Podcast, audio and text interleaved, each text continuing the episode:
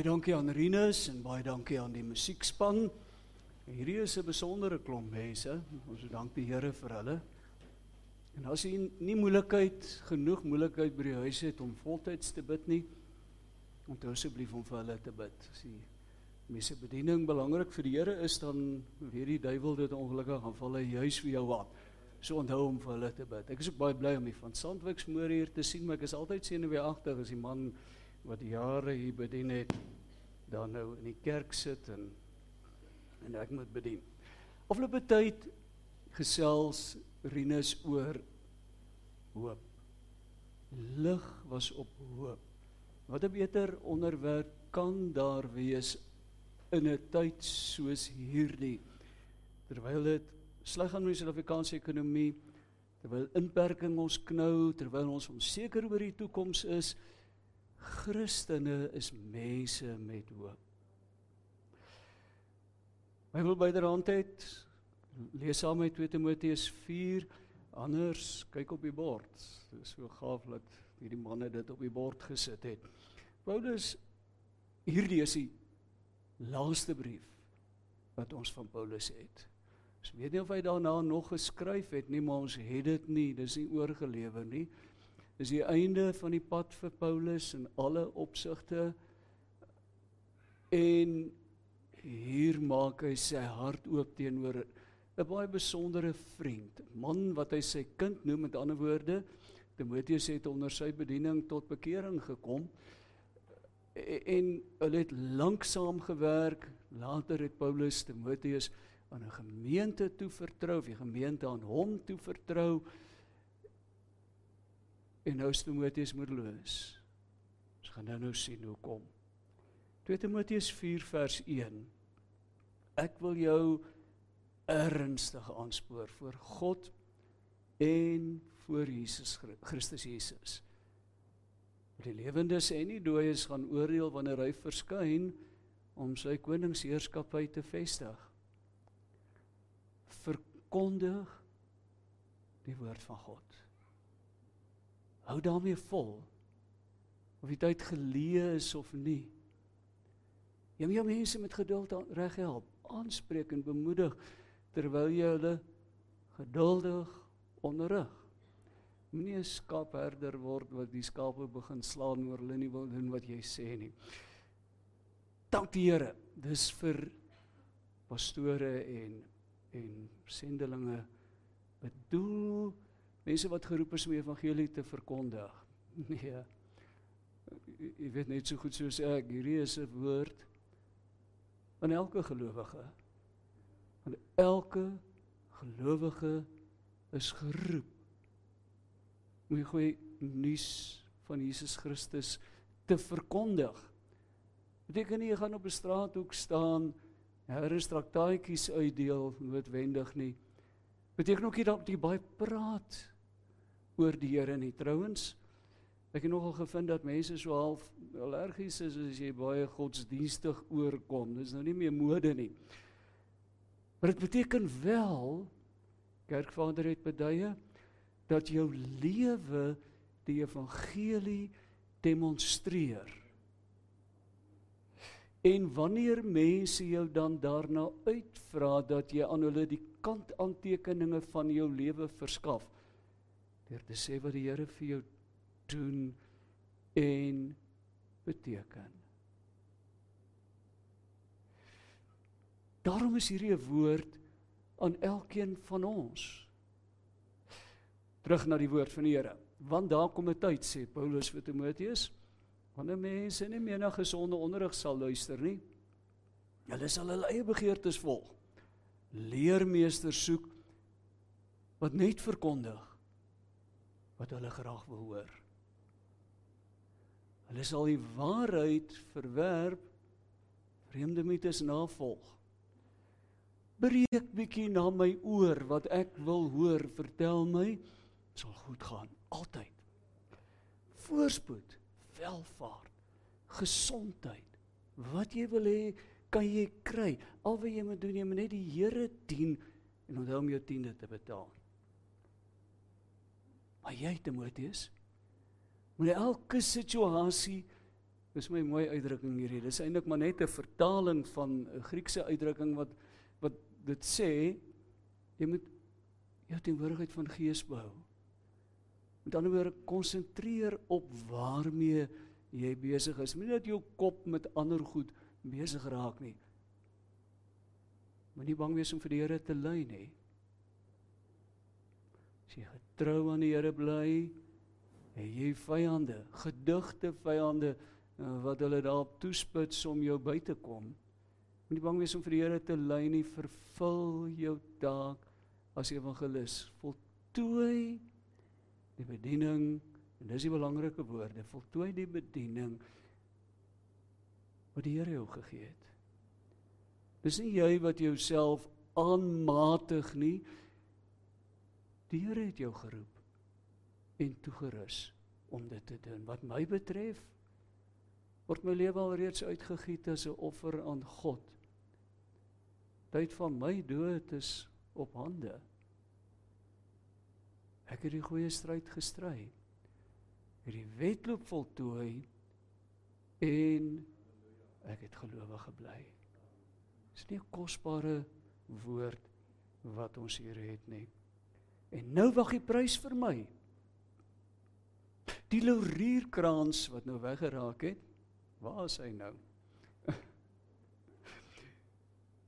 Die laurierkrans van geregtigheid wat die Here die regverdige beoordelaar my sal gee op die groot dag van sy terugkeer.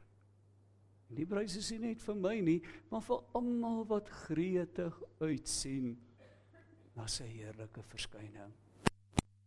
Dit is ons hoop. Dis waarvoor ons lewe. Om jare terug het ek saam met 'n Ou Testamentikus bekende skrywer in Europa rondgery. Daar was twee konferensies ons by so 'n paar universiteite aangegaan. Daar was baie tyd wat ons daar rondry en, en oor baie onderwerpe gesels, ook oor die opstanding. En ek het gehoor as by die Nuwe Testament kom, klink hy anders as ek. So ek het vir hom gesê Wat is jou verwagting? Wat volg hierna? Net gesê ag. Weet jy, ek is 'n mens wat in 'n natuurwetenskaplike paradigma funksioneer. En gebruik my rede om die werklikheid om my te begrond. En ek kan geen ander gevolgtrekking maak as dat wanneer ek doodgaan, ek ophou bestaan of as ek gelukkig is in die lewensgees die die beginsel van lewe opgeneem word. Wie het dit ek gedink? Wat 'n hopelose einde. As jy baie in hierdie wêreld moet ly, as jy in 'n konsentrasiekamp bevind, jy het niks om na uit te sien nie, kom maak jy nie einde daar nie. Dis net vinniger. Wat 'n hopelose einde.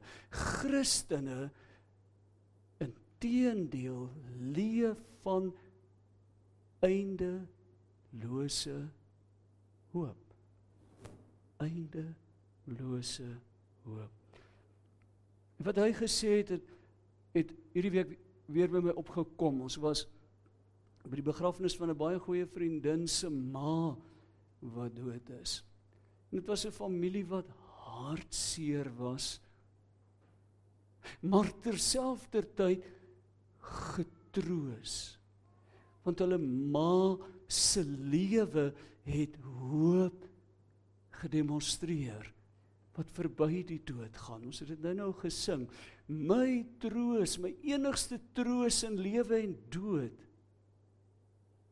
Ek behoort aan die Here. En wie wat die wonderlikste daarvan? Niks kan my ooit van hom skei nie. Hy is lewe. Kom ek vertel 'n bietjie meer oor oor die my Sonja se ma. Was 'n formidabele tannie gewees. As ek jou haar CV moet gee, dis 'n lang, lang storie. Maar sy het in 'n huis groot geword waar haar ouers werklik toegewy was aan die Here, bekende AGS mense wat oral in Wes-Transvaal gemeentes gevestig het en kerke help bou het uiteindelik in Klerksdorp gaan vestig het en en daarmee sentraal se kerkgebou gehelp het om dit te bou en dit was Amstraers en en so sy het groot geword in so 'n huis maar nogtans was daar 'n dag en as jy Christelik is en nou breek jy so 'n dag aan nie is behoort jy nie aan Christus nie. 'n dag in haar laat hoërskool daar was sy tot bekering gekom het haar doop het gedoop is met die Heilige Gees en was sy haar bereidwilligheid om die Here te dien gedemonstreer het. En die tyd dat sy haar man ontmoet was sy al hoor hierdie een vir 'n vrou was sy al voorsitter van die jeugraad gewees en sy en haar man het hulle lewe ook daaraan toegewy besighede later gehad besighede en hulle inkomste aan die Here gewy en hulle lewe was gerig om minder bevoorregte arme mense te help. Veral het sy op kinders gekonsentreer. Haar lewe was 'n testament van Bybelse hoop. Aan die einde het sy siek geword, demensie gekry. Maar wanneer sy terug was in die werklikheid, was dit die gelowige mens met wie jy gepraat het. 'n Mens wat vasgehou het aan die Here. En daarom kon ons as familie, kon ons as vriende getroos wees by haar begrafnis, sy die goeie stryd gestry.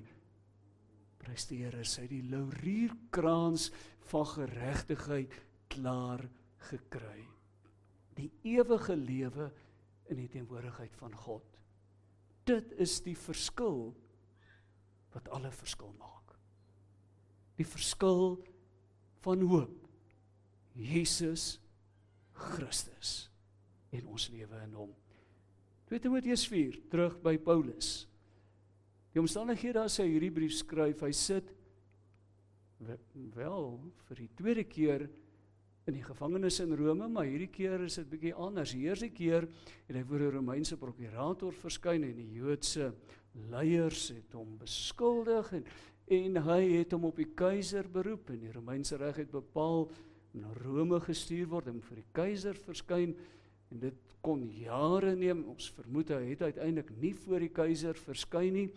As jy nou dink die Suid-Afrikaanse regstelsel is bietjie tyd saam ons dis gegrond op die Romeins-Hollandse reg nie waar nie?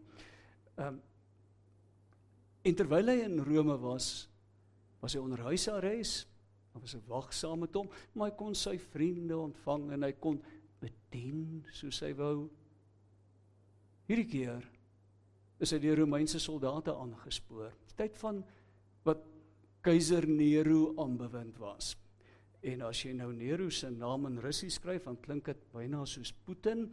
Hy was 'n diktator. Hy was waarskynlik totaal kranksinnig uit sy hele familie sy ma, broers, sussies, eie kinders uitgeroei omdat hy bang was laat doodmaak, hy was bang hulle bedreig sy posisie. En alle andersdenkendes en veral Christene wat dit gewaag het om te sê Caesar dink hy is Kurios die Here, maar weet jy wat? Jesus is die eintlike Here, die eintlike Kurios. Het hy doodgemaak? op groot skaal. Die kerk se swaarste vervolging het daar aangebreek. Timoteus het moedeloos geword van van die handjie vol broers en susters het min oorgebly. As jy nou dink inperking was erg, hulle kon glad nie by mekaar kom as 'n gemeente nie. Op 'n stadium met Paulus self Stichikus, 'n ander medewerker gestuur om Timoteus te ondersteun en en te gaan moet inpraat hierdie keer is Paulus in die berugte kerkers van Rome. Nou die Romeinse howe het jou slegs tot die kerker gevonnis as jy ter dood veroordeel is. Soos wat waarskynlik sodat dat Paulus klaar ter dood veroordeel was en En het ons dit aan Josef Josefus wat nie 'n Christen was nie, maar wel 'n Joodse historikus te doen eh, eh, te danke dat ons die idee het hoe Paulus gesterf het toe hy nou vir teregstelling aanmeld het hy gesê hy het 'n spesiale versoek. Hy verdien nie om soos sy meester gekruisig te word nie. Kruisig my eerder onderste bo. Dis nie 'n wonderlike verhaal nie. In die kerker is jy het jy beland net as jy ter dood veroordeel was of 'n baie gevaarlike gewoonte misdadiger daartoe verklaar is. Is letterlik 24 ure 'n dag aan die vloer van 'n sel vasgesluit. Kos was baie baie skaars. As jou vriende nie vir jou gesorg het nie, het jy op 'n baie lang en uitgerekte Daniel vasgegaan waarskynlik tot jy dood gegaan het. Grootste gevaar in kerkers was twee dinge. Rotte wat selfs gevangenes met een of ander tyd slaap wat gevreet het aan hulle gesigte, aan hulle lywe. En die wagte. Die die bewaarders van kerkers was berug as die wreedste klomp mense wat jy kan indink. Hulle het hulle behaag daarin geput om gevangenes te verneder en te vernietig en hulle dood agter te laat. Dis die omstandighede waarin Paulus hom bevind. Dink nou terug aan 2 Timoteus 4. Hier's Paulus se ja, sy testament. Want hy is ja op sy sterfbed. Dis sy laaste gesprek met sy volgelinge. In hierdie gesprek sê hy ietsie oor sy lewensdaak. Gee hy 'n klompie laaste opdragte aan sy volgelinge. Waarskei hulle lees 'n bietjie verder in daardie gedeelte dan sien jy hy noem sekere sogenaamde mede-Christene by die naam wat geweldig skade aan Christene berokken het, berokken het. Hy stel sy opvolger aan. En dan sluit hy af deur te sê my case rest with God stel my vertroue in hom. Die pad vorentoe behoort aan hom.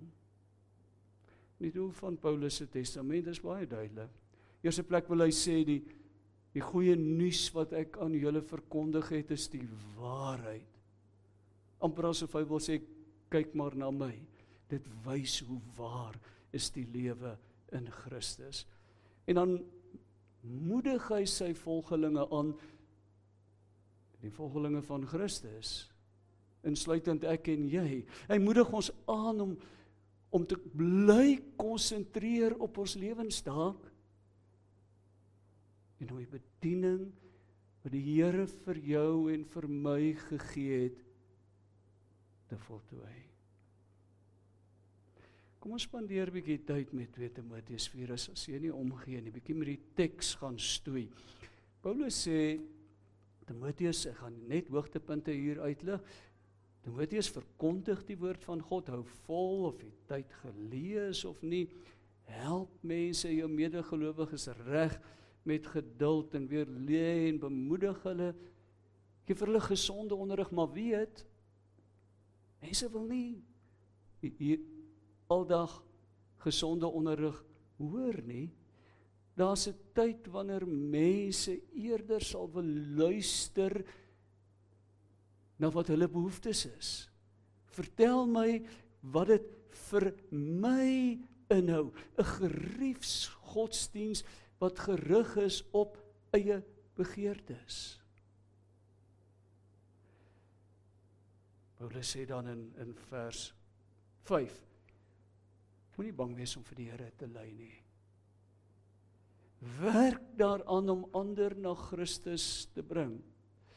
Weet jy hier wil ek sê werk in die eerste plek daaraan want dit sal jou in staat stel om sonder woorde ander mense te oortuig. Werk in die eerste plek daaraan om jou huismense vir die Here te wen. En ek weet nie van ander nie, maar vir my is dit so dis die moeilikste plek om ten minste te wees geduld te beoefen en en en Werk daaraan om hulle vir die Here te wen. Voltooi die bediening wat die Here jou gegee het. En dan ons teksvers. Paulus sê vers 6 wat my betref word my lewe al reeds uitgegiet as 'n offer aan God. Maar daardie woordjie offer met 'n mens eintlik omkring. Want dis nie so onskuldig soos dit klink nie. Die woordjie verwys na wat die Ou Testament noem die brandoffer. En die brandoffer was dit wat jy gebring het as jy jou offer klaar gebring het, jy dit afgesluit met 'n drankoffer. Nou die offer het bestaan uit uit iets, 'n dier, skaap of 'n bees of wat ook al wat jy vir die Here kom voor hom kom brand het om daardeur een van twee goed te sê, dankie Here. U goedheid waaroor ons ver oggend so gesing het. Dankie Renus vir daardie besondere beklemtoning van die goedheid van die Here en sy getrouheid wat oor jare bewys word in ons lewe. Dankie Here. Maar in die tweede plek ook Here, my kom as 'n vuil sondaar voor U. Onverdiend om te vra vir genade. Herstel my verhouding met U deur my te vergewe. En dan nadat jy hierdie baie duur offer gebring het, as jy te arm was, het jy sommer net 'n duif kon koop om dit te doen, maar dit dit kos jou iets. Dan sit afgesluit met die drankoffer waar jy 'n baie kosbare drank voor die Here uitgiet en sê dit toon my dank aan U. Paulus sê nou het ek op die plek gekom waar ek my lewe as 'n offer aan die Here gewy het en nou wil ek die beste, dit wat oorgebly het my lewe ook aan hom toewy. Want ek behoort aan die Here. Ja sê Paulus, die tyd van my dood en en hierse kan hom gerus ook omkring want dis ook 'n woord wat ons doodgewoon nie uit Grieks kan vertaal sonder om 'n lang sin daarvan te maak. Dis 'n woordjie, 'n tegniese woordjie wat dis nou die die taal van die matrose. Wanneer 'n skip die hawe verlaat op pad na sy bestemming dis waarna hierdie woordjie verwys. Die tyd sê Paulus wat my skipie gaan vertrek na my ewige bestemming het aangebreek. Ek het die goeie stryd gestry gaan kyk gerus in 2 Korintiërs 11 waar hoe Paulus sommer net enkele voorbeelde vir 'n lang stuk gee van hoe hy daardie stryd moes lei. Want hy het hom nie gestry nie, hy het daai stryd gelei. Die swaar wat hy alles beleef het. Ek het die goeie stryd gelei. Ek het die wedloop voltooi. Dank God. Ek het dis genade. Ek het gelowig gebly. Ek het tot hier aan die einde gelowig gebly. En wie wat nou wag die prys vir my. En hier kom ons by hoop die laurierkrans van geregtigheid. En dis nou weer twee woorde wat 'n mens gerus kan onderstreep. Laurierkrans, dink aan die Griekse spele, die Olimpiese spele. Dis waar ons ons Olimpiese spele vandaan al kry. Hierdie reuse byeenkomste reg oor die wêreld kom mense neem deel en die wenner kry laurierkrans. Dis die held. Is die wenner oorgesit in ons situasie by OR Tambo land is daar duisende mense wat hulle toejuig. Hulle word in 'n oop dek bus gelaai en deur die strate gery en en almal juig hulle toe. Jy's 'n held.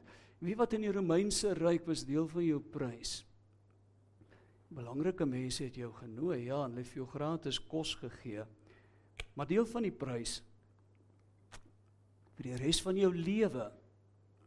Mens niks in die water, die hoor is regtig net water. Vir die res van jou lewe kon jy by enige hotel of gastehuis of restaurant eet en bly verniet.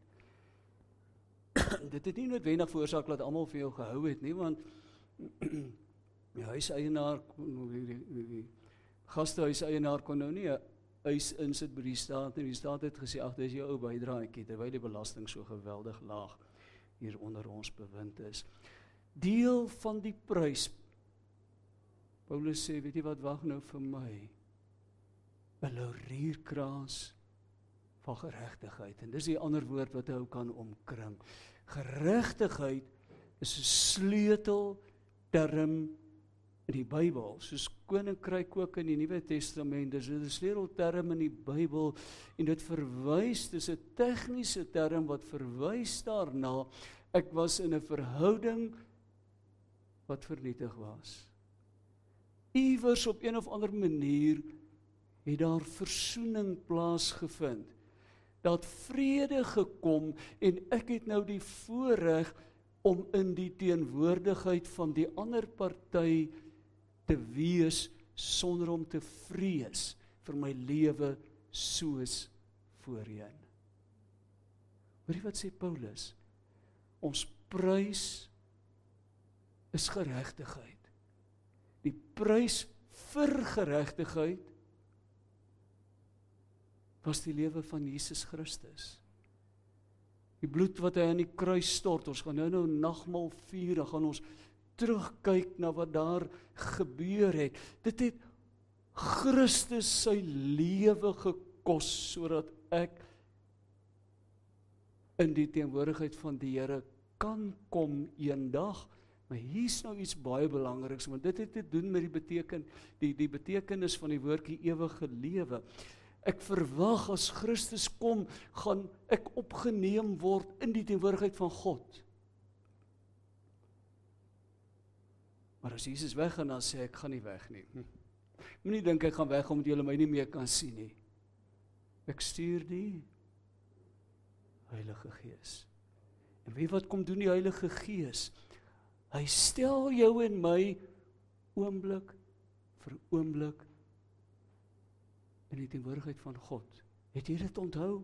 Ek lewe voor God.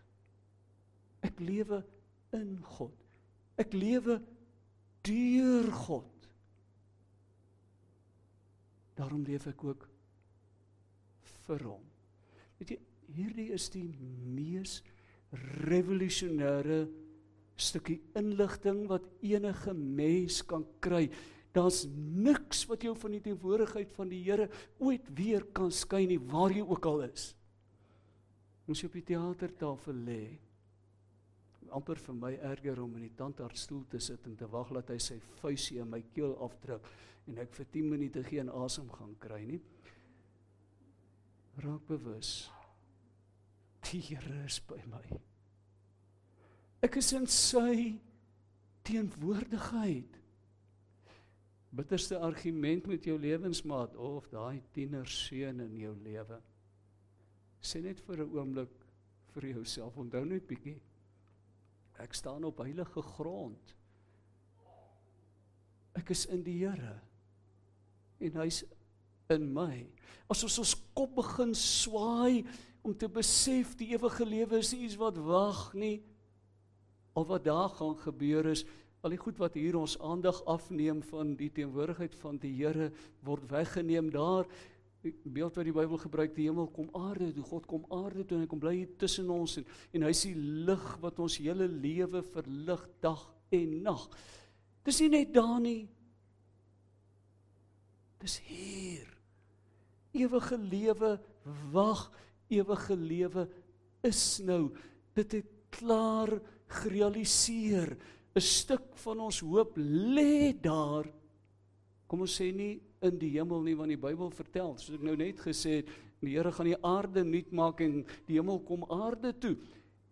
Daarom moet ons hierdie aarde miskien so bietjie beter oppas sodat die vernuwing nie so reuse werk gaan wees nie, nie waar nie. Dis nie net daar nie. Dis hier. Dis hier. Johannes 17 bid Jesus. En hy sê, dis my sulke besondere woorde het aan die seun volmag gegee oor die hele mensheid om aan almal wat u hom gegee het die ewige lewe te gee. Ek gaan nog nie afsluit, ek moet nog nie begin brieke kry nie, hoor. Ek haal nie die teks vroeër aan as net nou. Weet wat is die inhoud van? Dis hulle manier om te sê, "Hey, kry nou 'n bietjie jou end."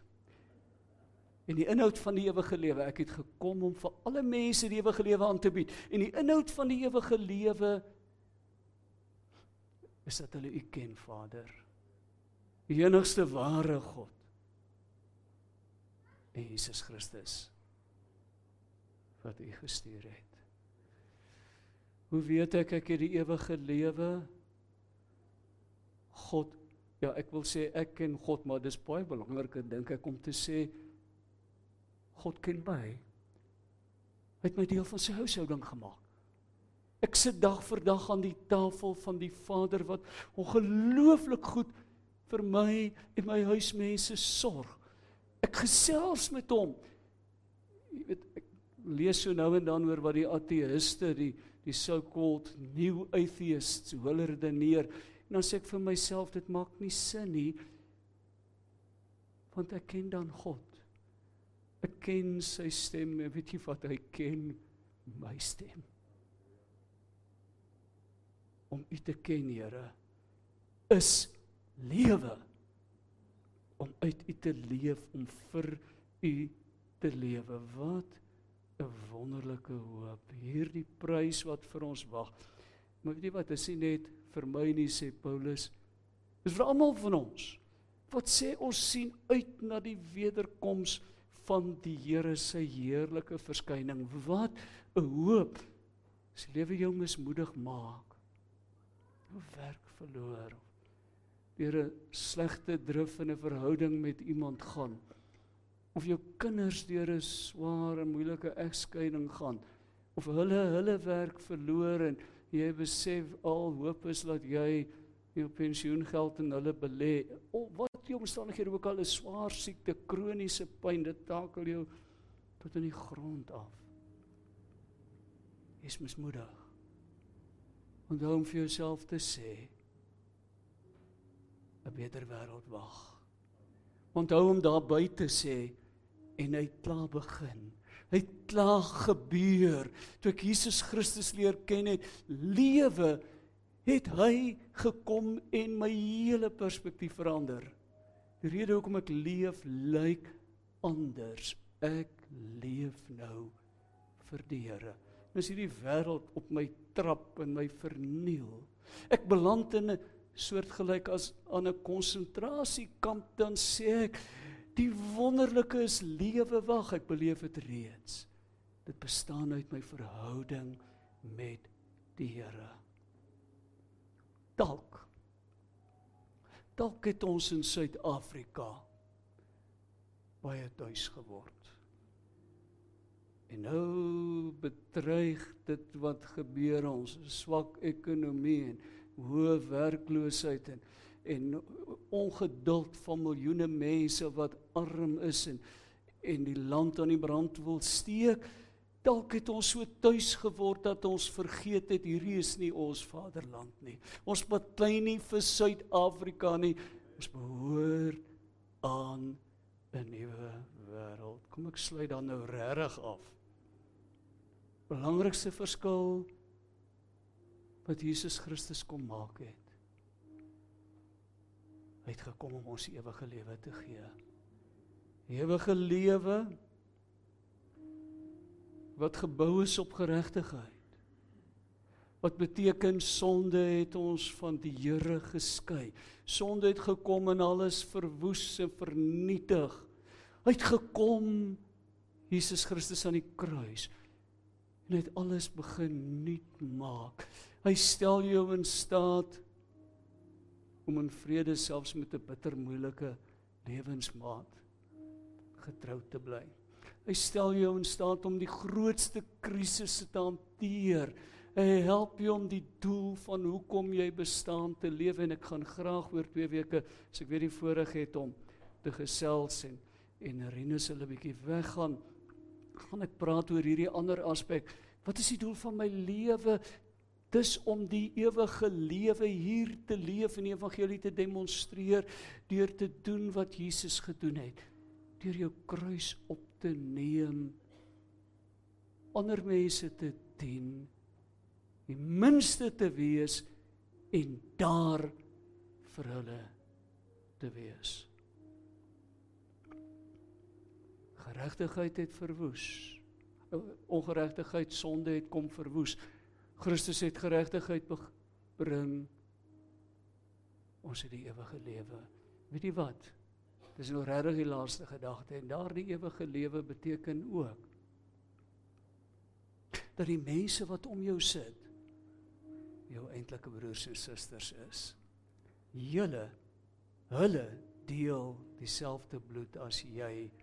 Hulle pa lyk nes my pa want dit is my pa. Deel van die huishouding van God. God. En wanneer ons volgende nagmaal vier, dan doen ons dit as 'n gemeente. Jy het genade en hulp nodig om hierdie ding oop te kry, so jy moet asseblief betyds begin.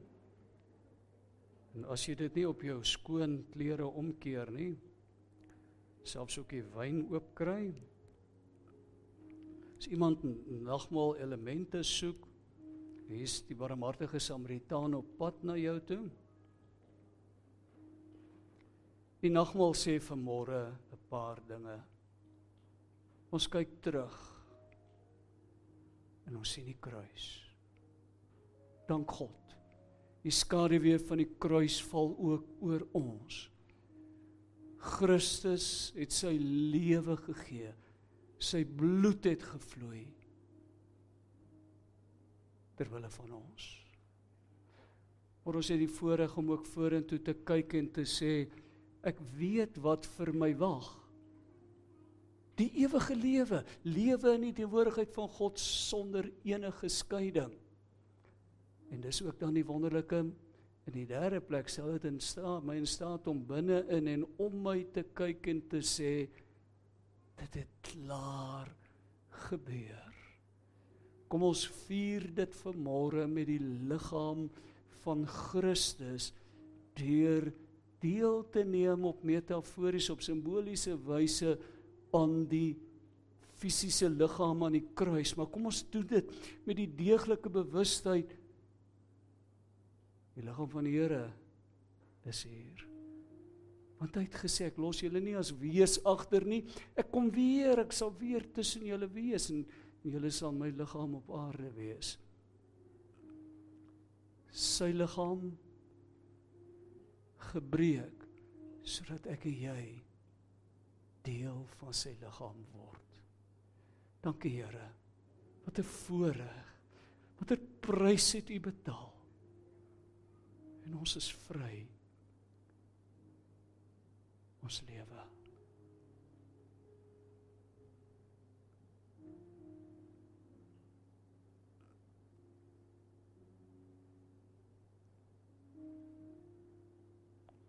Ek vertrou as u by die huis kyk dat u ook rooikie en wyn of druiwesap nader getrek het sy bloed gestort. As jy toe die soldaat wou seker maak hy's dood en die en die swaard in sy sy insteek was daar min bloed wat uitgekom en daar was nog net water oor. Hy het sy bloed gestort. En nou behoort ons aan hom niks as my ooit van hom skei nie. En die dag as hy dood kom dan sê ek vir hom ek het lank vir jou gewag my maat. Dankie dat jy gekom het my vriend. Neem my na die een saam met wie ek die nagmaal gaan geniet. Want jy weet wat sê die Bybel? Jesus het vir 2000 jaar nie hierdie broodjie en wyn kon geniet nie omdat hy wag tot ons sal kom. Here ons verwag U. Ons verwag om hierdie wyn in die nuwe koninkryk te drink. Waar ons fisies in U teenwoordigheid ook aan U voete sal kan neerval soos Maria Magdalena in die tuin en u kan aanbid uit diep dankbaarheid vir die lewe wat U vir ons gebring het.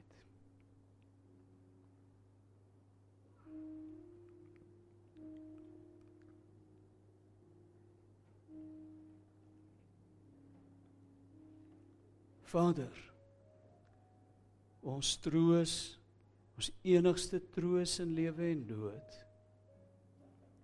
Ons behoort aan U. Niks kan ons skei nie. Want U bly getrou tot die einde. En as ons nou uitmekaar stap, skenk elkeen van ons die bewustheid, Here. U is by ons. Gees wat in ons harte werk en ons voortdurend ook in in elke veral krisissituasies herinner. Ek is by jou. Ek is in beheer. Moenie benoud rondkyk nie. Kyk. Hier staan ek. Bid dit in Jesus se naam. Amen.